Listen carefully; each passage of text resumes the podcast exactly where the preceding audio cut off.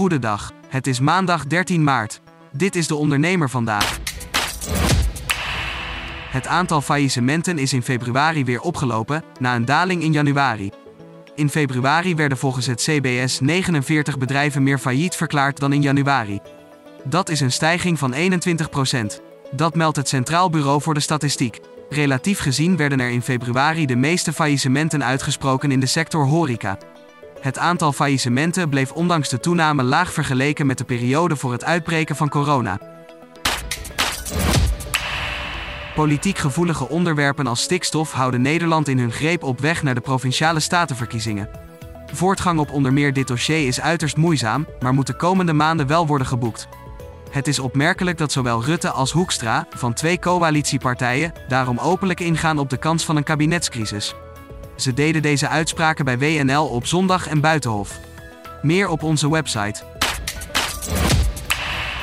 De boer-burgerbeweging stevend af op megawinst bij de provinciale statenverkiezingen. In vijf provincies wordt nieuwkomer BBB overduidelijk als grootste partij gepeild. Ook elders doet de partij van Caroline van der Plas mee om de winst.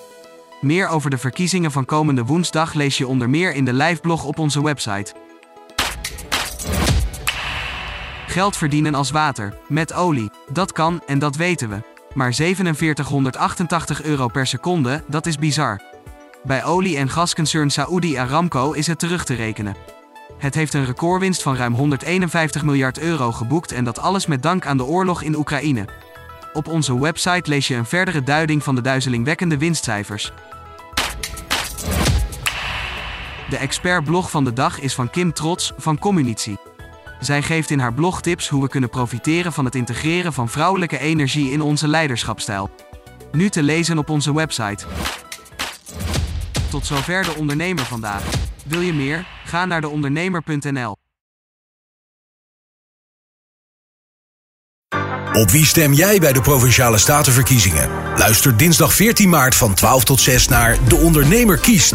Live vanuit Den Haag op Nieuw Business Radio. Met ondernemers en politici die je helpen de juiste keuze te maken. De Ondernemer kiest is een samenwerking tussen De Ondernemer, het AD, ONL en Nieuw Business Radio.